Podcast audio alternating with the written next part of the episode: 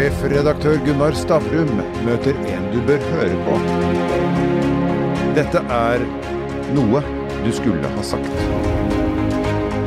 Velkommen, Odd Harald Løgge. Det er snart 27 år siden du gikk rundt i Oslo og samla inn 30 millioner kroner sånn til Nettavisen. Og Da følte du på hvordan det var å ha gode ideer med lite penger. Og Det er vel også en gjennomgangstone i denne boka? Ja, de, de er villige til å gjøre hva som helst for å få tak i de pengene. Eh, og det var vel jeg til dels for 27 år siden, det er sant. Og heldigvis gikk det siden vi sitter her i dag. Vi skal altså snakke om den nye boka di, Novaya Semja-effekten. Og det naturlige er, hva er det for noe? Jeg valgte den tittelen for å ikke ha sånn klassisk thrillertittel, uh, men den har jo noe med innholdet å gjøre. Novaya Semja-effekten er et, et, en gammel polarlegende det var noe som Wilhelm Barents eh, så da han var nødt til å overvintre på Navaja Semla, og dette er lenge siden 1598. Så så han sola eh, to uker før mørketida var over. Og dette skrev de ned, og vitenskapen sa i over 400 år etterpå at mannen var en dust. Og så ble det bevist at han hadde rett. Han hadde sett sola to uker før den kunne komme over horisonten. Så det er da noe jeg bruker som et bilde på du kan bruke i finans òg. Er det sant alt du ser, eller kan du se noe som ikke finnes? Og Siden det er en, en thriller, så antar jeg at svaret er at det er ikke sant alt du ser og det inntrykket du får? det er helt riktig. Det er ikke sant uh, alt du ser. Um, men litt til, tematikken i bøkene dine. Altså, Du har skrevet en bok om, uh, om, uh, om Everest. Du har skrevet en bok om kampen om sjeldne mineraler. Uh, og nå altså en bok om, eh, om, en geopolitisk bok på et vis, om kontrollen over Nordøstpassasjen. Uh, det er jo relativt i vinden å peke på Putin og, og Russland sine store ambisjoner i verden. Det er det. Jeg begynte på prosjektet mens det var uh, før Putin var gått helt ballistisk. Um, og da tenkte jeg sånn så at når jeg legger opp til at Russland eh, tar bare kommandoen og kontrollen og, og monopoliserer Nordøstpassasjen, så er kanskje det eh, å trekke det litt langt. Jeg tror ikke det er noen som syns det nå. Um, for, for, det faktum at Nordøstpassasjen, som var en sånn en hellig gral for mange nasjoner i mange, mange hundre år, uh, for det var den, kort, den korteste sjøveien til Asia. Og nå med klimaforandringene så er det mulig å, å, kjøre den i store deler av året. Og har du isbrytere, og det har russere, så, um, så, kan du nok gjøre det store deler av året. Du sparer altså ti dager på å kjøre den veien. Så enormt mye med penger. altså I shipping så er jo kutt, kuttene med ti dager det er jo hele fortjenesten, det. Um, så, men russerne har alltid sagt uh, at dette er vår den, De kaller det northern route. Og for å slippe unna isen, så må du gå veldig nærme land. Så du går innenfor Russlands uh, territorialgrense mye av veien. Så dette har nok de altså Jeg har for så vidt dikta det, men jeg tror de kommer til å nekte andre når den tid kommer, og den kommer ganske snart. Ja, La oss, la oss snakke litt om det. For du, altså for de som ikke har kartet foran seg, så er det på en måte at du går nord for, uh, nord for gamle Sovjet og mellom Nord for Sibir, ja. Nord for Sibir, ja. Du kan si at uh, Norgespassasjen begynner i Finnmark. Mm. Og så går den smale eh, sundet mellom Novaja Semla og, og, Russland. Og så følger den Sibirkysten hele veien bort, og så ned Beringstredet. Og da er du i, i Japan og Kina. Og sånn, Da slipper du på en måte å gå rundt hele eh, Asia, og i verste fall enten Suez eller rundt ja, Afrika? Ja, rundt Afrika og, mm. og, og, hele Asia. Altså det, det er minst ti dager. Men La oss si at, eh, at Russland tar kontroll over dette. da. Hva kan de bruke den kontrollen til? Nei, det er klart de kan, ta, de kan bare ta avgifter. Uh, de har enorme gassfelt uh, i Sibir som de slipper å bruke uh, rørledninger til. De kan bruke LNG-skip. og det, jo, det, får de også lov, lov, til uansett. men når de monopoliserer denne farten, så kan de enten stenge andre ute, eller gjøre som spanjolene gjorde for 400 år siden. De tok en kjempeavgift hver gang noen skulle forbi. Så i, i, denne eh, romanen så eh, gir da Kreml eh, monopol på dette 25 år til et privat rederi. Um, og, og, det kan jo godt gjøre. Du eh, har jo vært opptatt av måte, nordområdene, og eh, store deler av her er jo fortsatt eh, islagt. og Det er vært kjekt å ha noen isbrytere. Jeg mener jeg leser at det er 65 forskjellige isbrytere i verden. Eh, hvor mange er de i Russland? 64. 64. ja. Da har de kontroll i dette området? Det har de. Altså de og En av mine venner på Svalbard som driver med filmproduksjon, eh, og, og han hadde rett før covid, så hadde han da um, leid en isbryter.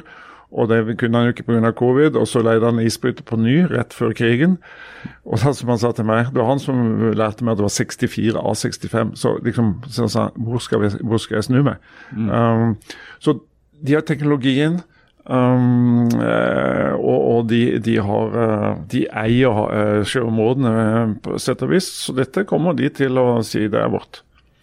Hvis jeg da drar en liksom en fellesnevner bak bøkene dine, så er jo sånn Kontrollen over sjeldne mineraler er jo viktig i mye teknologi vi trenger nå. Både på en måte batterier, computere, alt nesten. Ja. Eh, og det vet vi jo at både spesielt Kina er ganske interessert i å skaffe seg kontroll over, men også de andre stormaktene. Eh, her peker du på nordområdene, og vi har sett uh, Russlands vilje til å bruke makt uh, med, med geopolitiske undertoner. Det er ganske skumle saker du tar fatt på? Ja, altså i den, den med uh, sjeldne mineral og earth minerals i uh, boka var fra 2010 på Grønland, mm. det, det, var jo fri diktning da. Siden er det blitt oppretta et selskap som heter det samme som i boka, og driver med det samme som i boka. Og Det er jo et av de få stedene utenfor Kina hvor dette finnes, på Grønland og i Sverige. Så Kina kontrollerer uh, dette, og det er ikke noen bra situasjon for oss å være i. Og så er det jo tre år siden jeg skrev 'Storebjørn fra Svalbard', som viser hvor enkelt Russland kan ta kontrollen over eh, Svalbard hvis de vil. De bør ikke løsne et skudd engang. Um, og det er klart at de har planer for det. Det har til og med PST sagt. Selvfølgelig har russerne planer for Svalbard. De har jo egentlig aldri likt at vi rappa eh, Svalbard fra dem. Mm. Så dette med Norgespassasjen er, er, vel kanskje det mest aktuelle nå pga. klimaforandringene. Eh, hvis du skulle peke på et land i verden det hadde vært eh, interessant å invadere, så her er vel Norge høyt på lista? Ganske høyt, med, med, med, olje og det hele. Ja, det er ja. Eh, men sant, bare det å, å, gjøre noe terrorangrep mot, mot oljeinstallasjonen vår Vi har jo sett at kan, plutselig så går rørledninger i lufta. Mm. Hele Nordsjøen er full av rørledninger. Mm. Så det er, det er, ikke vanskelig. Vi får ta det neste gang. Men tror du at vi, at vi, på en måte lever litt sånn til daglig uten å tenke så grundig gjennom hvilke risikoer vi er i? Vi har et samfunn som uh, er ekstremt mye mer opptatt av safety enn security. Safety er å ikke skli på, på uh, oljeplattformen så du vrikker ankelen. Mm. Security det er å sørge for at den ikke blir bomba eller overtatt av noen andre. Så i Norge har vi Altså, Vi kan jo oppleve 9. april når som helst om igjen. Uh, vi er totalt naive. Litt til, litt til uh, skrivemetoden. Altså, du, du, var jo uh, økonomireporter og vært forfatter av, av skjønnlitterære, altså dokumentarbøker opp igjennom. Og så har du blitt krimforfatter. hva er likheten og forskjellen mellom måten å skrive på? Vi har jo skrevet, eh, vi har jo skrevet det mest kjente av alle dokumentarer sammen. Så det som er med en dokumentar, er at du må sjekke alt. Og det som er så deilig med en roman, er at du kan dikte det du vil. De sier det du ønsker at de skal si. Mm. Um, og, og, så, og det, det, er vel den, den største forskjellen. Det er mye mer slitsomt å gjøre en dokumentar å vite at det bør, må sjekkes, det må være riktig. Eller så får du liksom, særlig hvis det er uautorisert og litt kontroversielt, så får du det midt i fleisen eh, i det øyeblikk boka er på gata. Mm. Så um, å skrive romaner er gøy. Å skrive dokumentar er jobb. Men det sies jo på en måte at du eh, blande to utsagnere. Hvis du har gjort en reise, så har du noe å fortelle. Eller si det på en annen måte. Du, du, du forteller bedre om ting du har sett. og Den siste boka det begynner jo i Medellin i Colombia. Uh, for de som husker uh, sin narkotikahistorie. Det er en ganske sentral by. Ja. Uh, du kunne ikke beskrive den byen uten å ha vært der? Nei, jeg, jeg gjorde en Escobar-reise uh, for to-tre år siden. Med en runde med alle stedene. og jeg det taket, De som har sett 'Narkos', og sånn, så på det taket hvor han ble skutt, det, det er ikke merka. så du kan ikke finne det, men vi har lokale venner som pekte ut taket, så jeg klatra opp. Så jeg tok med meg en takstein hjem fra taket hvor Pablo ble skutt. Jeg, så at, jeg, Disse stedene, også i Russland og rundt, jeg, du må ha vært der. Så det er helt riktig som du sier, du, hvis du skal beskrive noe, så er det en total forskjell hvis du faktisk har gått i byen og vært på kafeene og ja. Hva er metoden din, da? Altså, hvordan uh, vet du, Drar du bare på steder du vet du senere skal skrive om, eller noterer du deg ting alle steder du drar? Nei, men du, du tar jo bilder og sånt, og så, og så kommer det opp igjen. Jeg, jeg, jeg, tenkte den gang på å lage en bok om fordi at altså, jeg skulle bare Han, han gravde jo ned penger over hele eh, Colombia. Mm. Eh, lage en, kanskje en norsk eh, studenteventyrer som sammen med noen andre snubler over noe sånt. Uh, men jeg, det, ble ikke noe, det ble ikke bra nok. Altså, jeg, Det fikk ikke nok luft i den. Så, så, sånn sett så la jeg jo merke til alt da jeg var der. ja. Um, ellers så blir det jo ofte at du kan legge du legger handlingen til et sted du har vært. Så jeg, lurer jo på å returnere til Grønland, for det, Grønland kan jeg ganske mye om. Og folk flest kan lite. Mm. Uh, så, så det, Sånn sett så er det eks veldig eksotisk. Mm. Hvis jeg bare plasserer deg litt uh, historisk, så, så, var du jo gründer av Nettavisen. Og vi skylder vel publikum å være tydelig på at vi, vi, kjenner hverandre veldig godt. Vi har også skrevet bøker sammen eller, om Jon Fredriksen. Um, men du var først og fremst i en periode økonomiredaktør både i Kapital og i, i um, Aftenposten. Eh, du savner ikke det sånne pulserende journalistmiljø? Jo, absolutt. Um, men det er klart at jeg hadde, da du overtok, um, og, og, har gjort Nettavisen til ikonet der, så, uh, så hadde det vært journalist i over 20 år, bortsett fra tre år i aksjemegling. Så, så jeg var i grunnen Jeg hadde fått nok akkurat da.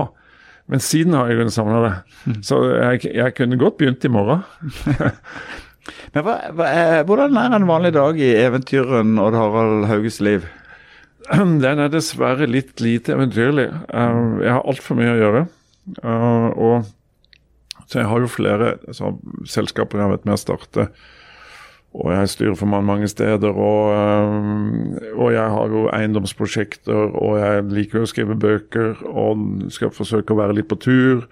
Um, så uh, fordelen er jo at jeg kan Det er ingen som krever at jeg skal være der og der, stort sett i hvert fall. Um, så jeg kan begynne og slutte dagen når jeg vil. Um, og jeg kan trene når jeg vil og gå på ski når jeg vil. Så det, det er gevinsten. Men ellers så, så er det nok mer enn full dag. Jeg tror det var den franske poeten Charles Baudelaire som sa en gang at eh, liksom, gjør hva du vil, men vær beruset. Og da er det naturlig å spørre deg er, Og seg selv kjenner man andre. er mye av disse bøkene unnfanga under uh, innflytelse av, uh, av uh, alkohol, f.eks. vin? Altså Det er klart at uh, det meste blir jo bedre med litt vin. Folk blir penere, og samtalen lettere. og, og Um, så det er, det er, fint å sitte med et, eh, et glass vin når man skriver, men, men du kjenner, kjenner, veldig fort i det øyeblikk det blir litt ukonsentrert eller eh, litt halvsøvnig.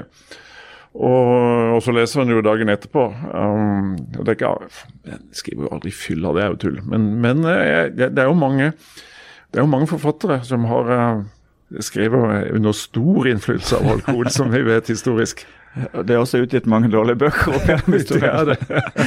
Men uh, den siste boka uh, har følelsen av at du på en måte har brukt uh, mye mer tid på språket i denne boka. At du liksom setningene har vært Du har jobba mye med setningene?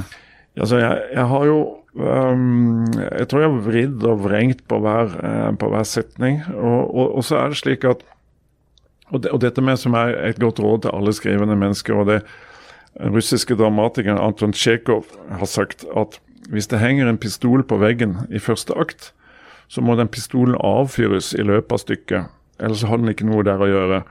Så i tillegg til språket, uh, så, så, skal en jo jobbe med at, at, det ikke er noe overflødig. Så kan det alltids være ulike meninger om hva som er overflødig, men, men de som Personene som er med i begynnelsen, kan ikke forsvinne. Eh, de må dukke opp igjen. De må ha en rolle. Eh, og De, ha, de, kan, bare, de kan ikke fylle boka med statister og transport og slikt. Eh, og, og, det har jeg aldri vært så bevisst på som denne gang. Så i, i senere prosjekter så skal jeg virkelig dyrke det. Og så får jeg håpe at, at leseren oppdager det. Altså fagfolk oppdager det nok. Men den jevne leser er jo ofte mer opptatt av om de likte handlingen eller miljøet eller slikt. Så. Men, men man skal jo forsøke å bli, alltid bli litt bedre. Så um, Robert Stoltenberg, uten sammenligning for øvrig, han, han, har akkurat det samme eh, tingen. Altså, Han går gjennom ting, så fjerner han ting som viser seg ikke ha en mening for historien. Og det er, vel, det er vel litt sånn at godt språk det er som en vindusrute. Hvis den er ren, så ser du gjennom den. Hvis den er skitten, så legger, legger, du merke til det dårlige språket. Det var et veldig godt bilde. Ja. Kan jeg låne det på siden? ja, det, det, det, er sant. altså. Nest, I nesten alle setninger så kan du kutte noen ord. Mm. Um, så, uh, og, og, det er veldig mye sånn at du um, Særlig i krim. Nå er jo ikke jeg direkte krim, da, men særlig i krim så, så, er det sånn at det over, overtydeliggjør. Det er sånn Ja, sa hun rasende med gnistrende øyne og slo i bordet. Mm. Uh, så Nesten alt det kan du stryke. Mm. Um, og det kan ofte være mer effektfullt at hun ikke sier noe, men bare reiser seg og går. Eller, uh, så kutt ned på Særlig på adjektivene. Mm. Uh, du bør ikke si hvis du, hvis du som forfatter skriver at noen er sint, så, så leseren blir ikke berørt av det. Men hvis du viser at vedkommende er sint, så, så tenker leseren Oi, hun var sint, gitt. Mm. Um, og, og, dette er jo alle gode forfattere i verden kjenner dette og jobber med det, men det er jo ikke bare gode forfattere i verden, som vi vet. Din, din forlagsredaktør sa at uh at dette kanskje kunne ses på som en del av en ny trend, som er sånn en feelgood-litteratur for menn, i motsetning til de veldig populære feelgood-bøkene for kvinner. Og, du, Uh, og da er det liksom naturlig kanskje å peke på din bakgrunn. sant? Du har vært på Sydpolen, Nordpolen og Mount Everest, og gud vet hvor du har vært. Altså, sånn, og du kan jo med rette kalle en eventyrer. Altså, Uh, tror du at det slår en tone hos eh, mange andre menn? Eh, ja, altså, Dessverre er det jo slik at um, bøker selges av kvinner. Og kjøpes av kvinner, og stort sett leses av kvinner. Det er kvinner som leser bøker. Så, så jeg har jo ikke gjort det lett for meg selv ved å velge, velge mannesjangeren. Um, uh, men det er klart at uh, gutta syns jo det er gøyere å lese om gutta enn en et vanskelig svangerskap. Uh, så, og det kan ikke jeg skrive om. For det, det, skrive, man skal skrive om det man kan. Men jeg har jo lurt på om jeg skulle forsøke meg å, med å Det er jo en, en, russisk skjønnhet i den romanen. Om jeg skulle bruke henne eh, i et prosjekt uh, og se om jeg kan klare å skrive en bok som også har en, en sentral kvinnelig helt innen, eller hovedperson i hvert fall. Ja. Vi får se. Så du, du, har rett og slett ambisjoner om å skjønne kvinners syke? Nei, men jeg kan beskrive det. så, så, det er to forskjellige ting, det, Gunnar. så, men det er jo ikke sikkert det går. Sjefredaktør Gunnar Stavrum møter en du bør høre på. Dette er noe du skulle ha sagt.